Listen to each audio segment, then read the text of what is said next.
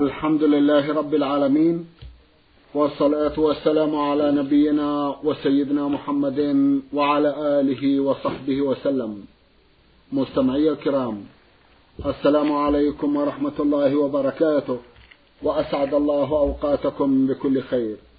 هذه حلقة جديدة مع رسائلكم في برنامج نور على الدرب. رسائلكم في هذه الحلقة نعرضها على سماحة الشيخ عبد العزيز ابن عبد الله بن باز الرئيس العام لإدارات البحوث العلمية والإفتاء والدعوة والإرشاد. مع مطلع هذه الحلقة نرحب بسماحة الشيخ ونشكر له تفضله بإجابة السادة المستمعين فأهلا وسهلا بالشيخ عبد العزيز. حياكم الله وبارك فيكم. حياكم الله. نعود في بداية هذه الحلقة إلى رسالة وصلت إلى البرنامج من المستمع محمد حسن النهاري. الأخ محمد عرضنا بعض أسئلته في حلقة مضت وفي هذه الحلقة يسأل ويقول في بلادنا توجد مقابر ويوجد على هذه المقابر أعلاف وحشائش تستعمل للبهائم ولكن لا يذهب إلى هناك إلا النساء لحصاد الأعلاف والحشائش. وكذلك توجد طرق في هذه المقابر تمر فيها النساء وهو محرم على ما أعلم. وجهونا حول هذا الموضوع من ناحيتين الناحية الأولى الطرق والناحية الثانية وصول النساء إلى هناك من أجل الاستفادة من الحشائش والأعلاف التي تنبت على هذه المقبرة. جزاكم الله خيرا. بسم الله الرحمن الرحيم. الحمد لله وصلى الله وسلم على رسول الله.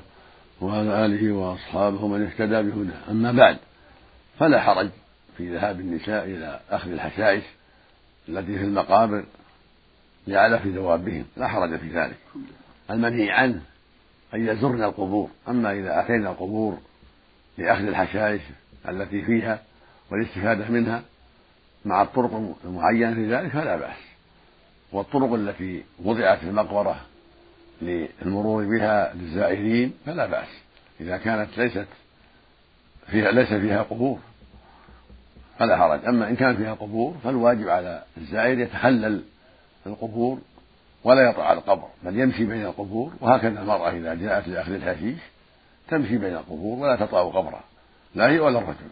الجميع لا يجوز لهم امتهان القبور بالوطء عليها. ولكن يمشي بين القبور وفي خلال الفرج التي بين القبور حتى يأخذ حاجته. نعم. جزاكم الله خيرا. له سؤال مطول بعض الشيء عن الشغار يقول اتفق والدي وعمي والد زوجتي عندما خطب والدي بينهم أن والدي يدفع أي مبلغ يطلبه والدي. إيش؟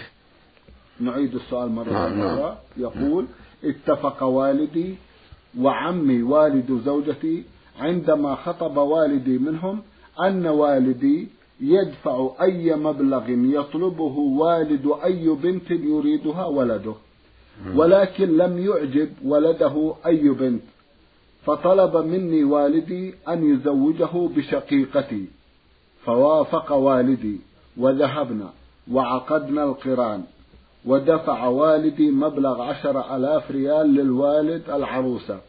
وكذلك جاء عمي وولده وعقد ولده القران على أختي ودفع أيضا نفس المبلغ.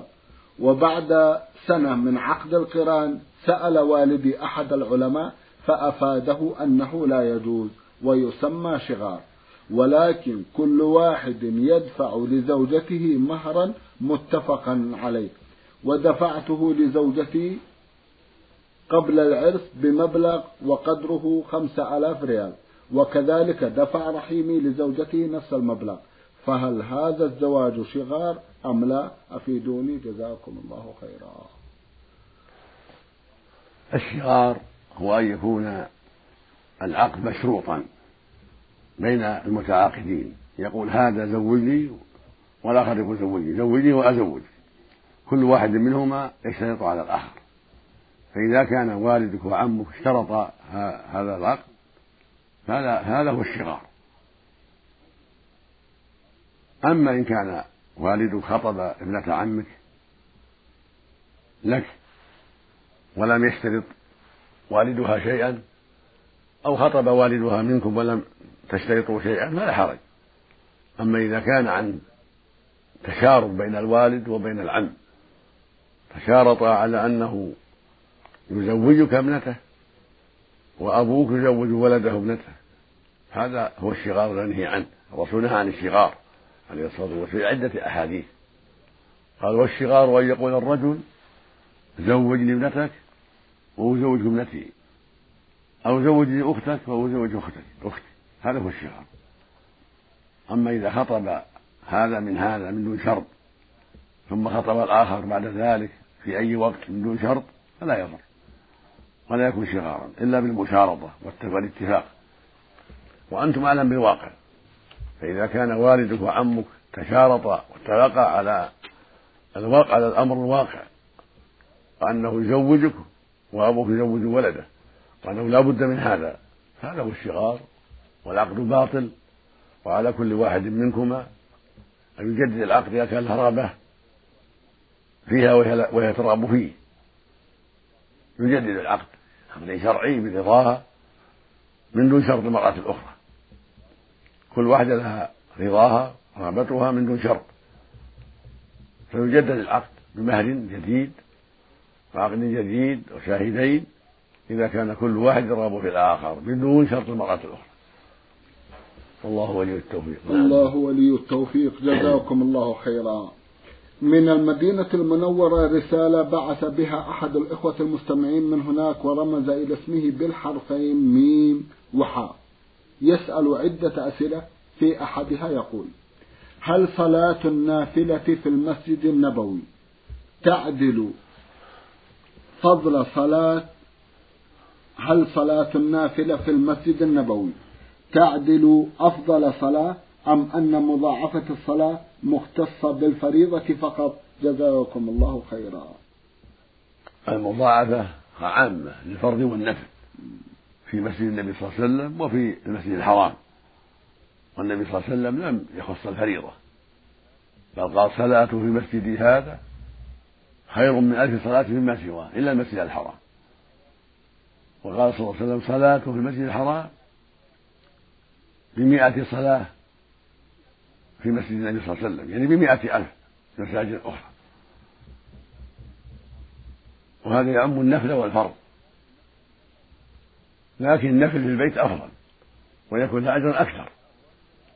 والمرأة في بيتها أفضل ولها أجر أكثر. وإذا صلى الرجل في المسجد النبي صلى الله عليه وسلم فرضا أو نفل فله هذه المضاعفة. لكن ومع هذا المشروع له أن يصلي النافلة في البيت سنة الظهر سنة المغرب سنة العشاء سنة الفجر في البيت أفضل. وتكون لها المضاعفة أكثر. لأن الرسول صلى الله عليه لأن الرسول صلى الله عليه وسلم قال للناس أفضل صلاة المرء في بيته إلا المكتوبة ويخاطبهم وهو المدينة عليه الصلاة والسلام. فدل ذلك على أن صلاتهم في بيوتهم صلاة النافلة أفضل وتكون مضاعفتها أكثر. وهكذا في المسجد الحرام. نعم. جزاكم الله خيرا. هل من السنة أن يذهب من يسكن في المدينة المنورة كل أسبوع إلى مسجد قباء أم أن هذه مقولة لا دليل لها؟ هذا هو الأفضل كما فعله النبي صلى الله عليه وسلم. كان يزور قباء كل سبت يعني كل أسبوع. فالأفضل لمن كان في المدينة أن يزور قباء في الأسبوع مرة يعني يوم السبت أو غيره كما فعله النبي عليه الصلاة والسلام. ويصلي فيه ركعتين أو أكثر ثم ينصرف. اقتداء بالنبي الكريم عليه الصلاة والسلام. نعم. جزاكم الله خيرا. هل يأخذ المسلم بجميع الأحاديث الواردة في كتاب صحيح الجامع الصغير؟ المؤلف اجتهد في هذا ولكن قد يغلط في بعض المسائل. فطالب العلم يجتهد وينظر في الأحاديث ويراجع أسانيدها على طريقة أهل الحديث فإذا اتضح له صحة الإسناد عمل بذلك وقرر صحة الإسناد. ولا ينبغي يكون مقلدا فقط. ينبغي له أن يعتني بالأسانيد ويراجع ما قاله أهل العلم فيها ويعرف حال رجالها وإذا كان لا يعرف يسأل أهل العلم. كان ليس من أهل الصنعة. ولا يعرف فإنه يسأل أهل العلم عن صحة الحديث الذي أشكل عليه وإذا كان الحديث الصحيحين أو في أحدهما كفى والحمد لله الحمد لله جزاكم نعم. الله خيرا هل النافلة في المكتب الذي يعمل فيه الموظف لمدة سبع ساعات يوميا أفضل من المسجد ويعد كالبيت أم لا؟ إذا كانت صلاته في المكتب لا تعطل عملا بل هو عند فراغ فلا فهو مستحب. يتنفل في صلاة الضحى هذا أمر طيب. أما إن كانت صلاته قد تعطل عملا أو تنقص العمل فلا. يستمر في عمله ويكفي وصلاته في مكتبه تشبه صلاته في البيت. إذا كان ذلك لا يعطل عملا ولا يضر عملا ولا ينقص عملا بل عنده فراغ فهذا عمل عمل طيب. انتهاز الفرص في الخير والحرص على الخير أمر مطلوب في المكتب وفي السفر وفي الحضر وفي كل مكان. كون المؤمن ينتهز الفرص بالتسبيح والتهليل والتحميد وقراءة القرآن وصلاة النافلة والدعوة إلى الله والأمر بالمعروف والنهي عن المنكر إلى غير ذلك هذا شيء مطلوب أينما كان. بشرط أن يكون ذلك لا يضر عملا لازما له ولا يعطله. نعم. جزاكم الله خيرا. ماذا على من يسكن في حرم المدينة؟ وما هي حدوده بالتحديد؟ جزاكم الله خيرا. عليه أن يحذر ما حرم الله عليه. في الحرم من صيد قطع شجر ونحو ذلك. كما أن عليه الحذر من المعاصي والبدع كلها. في الحرم وفي غيره. لكن ما كان خاصا بالحرم من الصيد وغير ذلك يحذره. في حرم مدينة حرم مكة. لأن الرسول حذر من ذلك عليه الصلاة والسلام. كما أن عليه أيضا أن يحذر المعاصي كلها لأنها في الحرم إثمها أكبر. في حرم المدينة حرم مكة. فالواجب فالواجب أن يكون حذره منها أشد من حذره في بقية الأماكن. وأن يراقب الله في ذلك. وعلى سكان المدينة وسكان مكة هي الحذر غاية من المعاصي. لأن إثم المعاصي في مكة والمدينة أشد. من إثمها في في الطائف أو في نجد أو في الشام أو في غير ذلك. الواجب على سكان الحرمين أن يتقوا الله غاية وأن يحذروا ما حرم الله عليهم وأن يحاسبوا أنفسهم حتى لا يقعوا فيما حرم الله فإن المعصية فيه عظيمة وشديدة وإثمها أكبر من فعلها في غير الحرمين. كما أن الحسنة تضاعف في الحرمين لها مزية وفي المسجدين لها مزية فينبغي الإكثار من الطاعات في الحرمين والاستكثار من الخير والحذر كل الحذر من جميع المعاصي. الله المستعان جزاكم الله خيرا. يسأل عن الحدود بالتحديد لو تكرمتم. الحدود موجودة. إذا أراد يعرفها يسأل عنها ويقف عليها. نعم. جزاكم. الله خيرا. إذا هي بارزة موجودة موجودة. بارك الله فيكم. يقول إذا سألني شخص عن مسألة وكنت قد سمعت من الراديو فتوى عن مثلها تماما فهل لي أن أفتيه بما سمعت؟ نعم تنسبها إلى صاحبه تقول سمعت فلان في, في الدرب أو في أي أو في أو في أي إذاعة تقول سمعت فلان أفتى بكذا. إذا كنت قد علمت ذلك يقينا وحفظته وفهمته وعندك فيه بصيرة تقول سمعت فلان الشيخ فلان أفتى بكذا. حتى تؤدي الواجب على بصيرة حتى تخرج من العهدة. نعم. أما إن كان عندك شك أو ما حفظتها جيدا أو عندك تردد أو كذا فلا. لا لا تفتي أحدا. إلا بعلم يعني إلا عن علم إلا عن علم عندك عن الله وعن رسوله عن الله وعن الرسول عليه الصلاة والسلام. واحذر فإن الفتوى بغير علم خطرها عظيم وإثمها كبير. نسأل الله السلامة. نسأل الله السلامة. جزاكم الله خيرا. يقول ما هي الأذكار التي يرفع بها المسلم صوته بعد الصلاة والتي لا يرفع بها صوته؟ السنة بعد الصلاة رفع الصوت بالذكر. كان النبي صلى الله عليه وسلم والصحابة يرفعون أصواتهم بالذكر عقب الصلاة.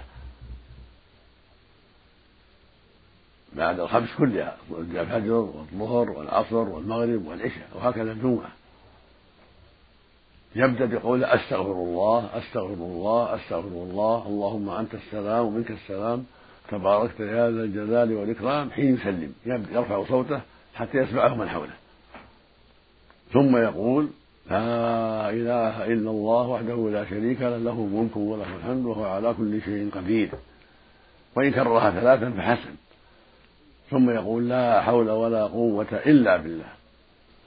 لا إله إلا الله ولا نعبد إلا إياه له النعمة وله الفضل وله الثناء الحسن. لا إله إلا الله مخلصين له الدين ولو كره الكافرون. اللهم لا مانع لما أعطيت ولا معطي لما منعت ولا ينفع ذا الجد منك الجد. يقوله الإمام والمأموم والمنفرد. عقب الصلوات الخمس. هذا الذكر. لكن الإمام يقول ذلك بعدما ينصرف إلى الناس. يستغفر الله ثلاثا وهو إلى القبلة. ويقول اللهم أنت السلام ومنك السلام تباركت يا ذا الجلال والإكرام ثم ينصرف إلى الناس يعطيهم وجهه ويأتي بالأذكار. أما المأموم فيأتي بهذا كله في حين يسلم. ويأتي أيضا بزيادة. سبحان الله والحمد لله والله أكبر ثلاثة وثلاثين بعد كل صلاة. سبحان الله والحمد لله والله أكبر ثلاثة وثلاثين مرة. يرفع بها صوته حتى حتى يسمعه من حوله حتى يستفيد من حوله. ويتمم المئة بقوله لا إله إلا الله وحده لا شريك له. له الملك وله الحمد وهو على كل شيء قدير. هذه التي ترفع بها صوته ويزيد في المغرب والفجر عشر تهليلات يقول لا إله إلا الله وحده لا شريك له. له الملك وله الحمد يحيي ويميت وهو على كل شيء قدير. عشر مرات مع ما تقدم مع الذكر اللي تقدم. يزيد هذه العشر. بعد السلام الإمام والمنفرد والمأموم كلهم. عشر عشر تهليلات بعد الفجر وبعد المغرب. زيادة على ما تقدم. يقول لا إله إلا الله وحده لا شريك له له ملك وله الحمد يحيي ويميت وهو على كل شيء قدير. وإن قال بيده الخير أو وهو حي لا يموت كله طيب. عشر مرات ثبت عن الرسول صلى الله عليه وسلم أنه كان يقول ذلك بعد الفجر والمغرب. زيادة على ما تقدم. ويستحب للجميع بعد ذلك من دون رفع الصوت أن يقرأ آية الكرسي. الإمام والمنفرد والمأموم. يقرأ آية الكرسي أيضا بعد هذا كله. من غير رفع صوت الله لا إله إلا هو الحي القيوم. لا تأخذه سنة ولا نوم. له ما في السماوات وما في الأرض. من ذا الذي يشفع عنده إلا بإذنه. يعلم ما بين أيديهم وما خلفهم. ولا يحيطون بشيء منه إلا بما شاء. وسع كرسيه السماوات والأرض. ولا يؤوده حفظهما وهو العلي العظيم. هذه آية الكرسي. أعظم آية في القرآن وأفضل آية في القرآن. يقال آية الكرسي يستحب أن يأتي بها المؤمن والمؤمنة بعد كل صلاة بعد الذكر المتقدم. للرجل والمرأة. كله مستحب للجميع. ويستحب أيضا أن يقرأ قل هو الله أحد والمعوذتين بعد كل صلاة. قل هو الله أحد قل أعوذ برب الفلق قل أعوذ برب الناس بعد كل صلاة. لكن يكررها ثلاثا بعد الفجر والمغرب. يكرر هذه السورة الثلاث ثلاث مرات. بعد المغرب بعد الفجر. قل هو الله أحد ثلاث مرات. قل أعوذ برب الفلق ثلاث مرات. قل برب الناس ثلاث مرات. بعد المغرب وبعد الفجر. وكتبنا في هذا رسالة مختصرة توزع بين بين أيدي الإخوان. من أرادها وجدها. رسالة مختصرة بين فيها هذه الأذكار. نسأل الله للجميع التوفيق نعم. اللهم آمين جزاكم الله خيرا هل صحيح أنه لا بد أن يسمع المسلم نفسه ما يقول في الصلاة؟ نعم ما يكون متكلم إلا إذا أسمع نفسه إذا كان يسمع مم. أما إذا كان عنده ثقل في السمع نعم. يتكلم يتكلم بقدر طاقته من غير أن يشوش على من حوله يعني يتيقن انه تلفظ يتلفظ مو بالنية لا بتلفظ اللسان تلفظ يسمع من يسمع من من المتكلم يسمعه المتكلم من نفسه لو كان لو كان يعني سمعه صحيح. أما إذا كان سمعه في خلل فلا يرفع يؤذي الناس لا يشوش على الناس. لكن يتأكد أنه تلفظ.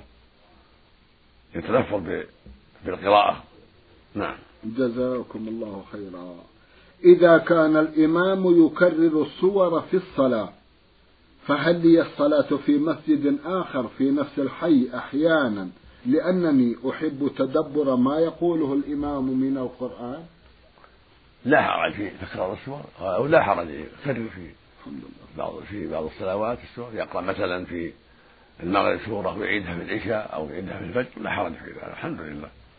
وأنت مخير صليت في المسجد أو في هذا المسجد انظر ما هو أصلح لقلبك وما هو أنفع لك فافعل إلا إذا كان ذهابك عن هذا المسجد اللي حولك قد يسبب تهمتك وأنك لا تحضر الجماعة فينبغي لك ألا تذهب حماية لعرضك وظن السوء بك.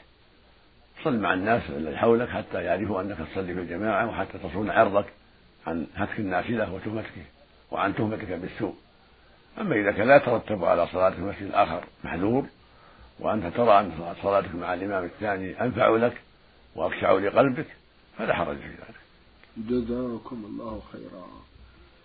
من الدكتور باء ألف ميم بالحرس الوطني رسالة وضمنها جمعا من الأسئلة. في أحد الأسئلة يقول نرى يوم الجمعة بين يدي الخطيب وقبل الخطبة والمؤذن يؤذن الأذان الثاني أناسا يقفون منتظرين انتهاء الأذان ثم يصلون ركعتي تحية المسجد. فهل هناك من دليل على هذا أم أنهم يصلون الركعتين غير منتظرين انتهاء الأذان حتى يدركوا الخطبة والتي هي واجب والأذان سنة كما نعلم؟ جزاكم الله خيرا. هذا هو الأفضل أن يسمع الأذان ويجيب المؤذن ثم ثم يصلي ركعتين ولا ولا يمنعه ذلك من سماع الخطبة لأن صلاة الركعتين أمر خفيف وقتها خفيف في إمكانه يصليها والخطيب لم ينتهي من مقدمة الخطبة. المقصود أن الأفضل أنه يصلي أنه يجيب المؤذن ثم يصلي ركعتين. وإن صلى ركعتين وهو يؤذن فلا حرج في ذلك والحمد لله. لكن كون يجمع بين السنتين سنة إجابة المؤذن وسنة تحية المسجد هذا هو الأفضل. لقول النبي صلى الله عليه وسلم إذا سمعتم المؤذن فقولوا مثل ما يقول. وقوله صلى الله عليه وسلم إذا دخل أحد المسجد فلا يجلس حتى يصلي ركعتين. يجمع بين السنتين هذا هو الأفضل أن يجمع بينهما. ولا يفوته بذلك سماع الخطبة والحمد لله. نعم. جزاكم الله خيرا. الذي يناقش سماحة الشيخ ويناقش كثير من الناس معه كيف أن الإنسان يهتم بالسنة ويترك الواجب ألا وهو الإنصات للخطبة؟ ما هو توجيهكم؟ الواجب الإنصات. إذا فرأ ينصت. يستمع ولا يعبث ولا يتكلم هذا واجب عليه. نعم. لا واجب على الجماعة أن ينصتوا للخطبة الرسول أمرهم بهذا. أمرهم بالإنصات. فالواجب أن ينصتوا ويستفيدوا لأن الخطبة من أجلهم من أجل وعظهم وتذكيرهم نعم. فالواجب أن ينصتوا لها ويستفيدوا من, من مما يقوله الإمام. نعم. جزاكم الله خيرا. الذين يرون أن الانشغال بتأدية تحية المسجد عن الاستماع للخطبة يرون أن هذا غير مستساغ. ما هو توجيهكم؟ ما لا يضر هذا. لا. يضر هذا يعني يصلي ركعتين ركعتين دقيقتين أو دقيقة أو دقيقة ونصف ما ما تعطله عن الخطبه الخطيب يجيب المؤذن ويأتي بالذكر بالدعاء بعد الأذان والمؤذن والداخل كذلك يجيب المؤذن ويأتي بالدعاء الشرعي ثم يصلي ركعتين. والإمام في مقدمة الخطبة.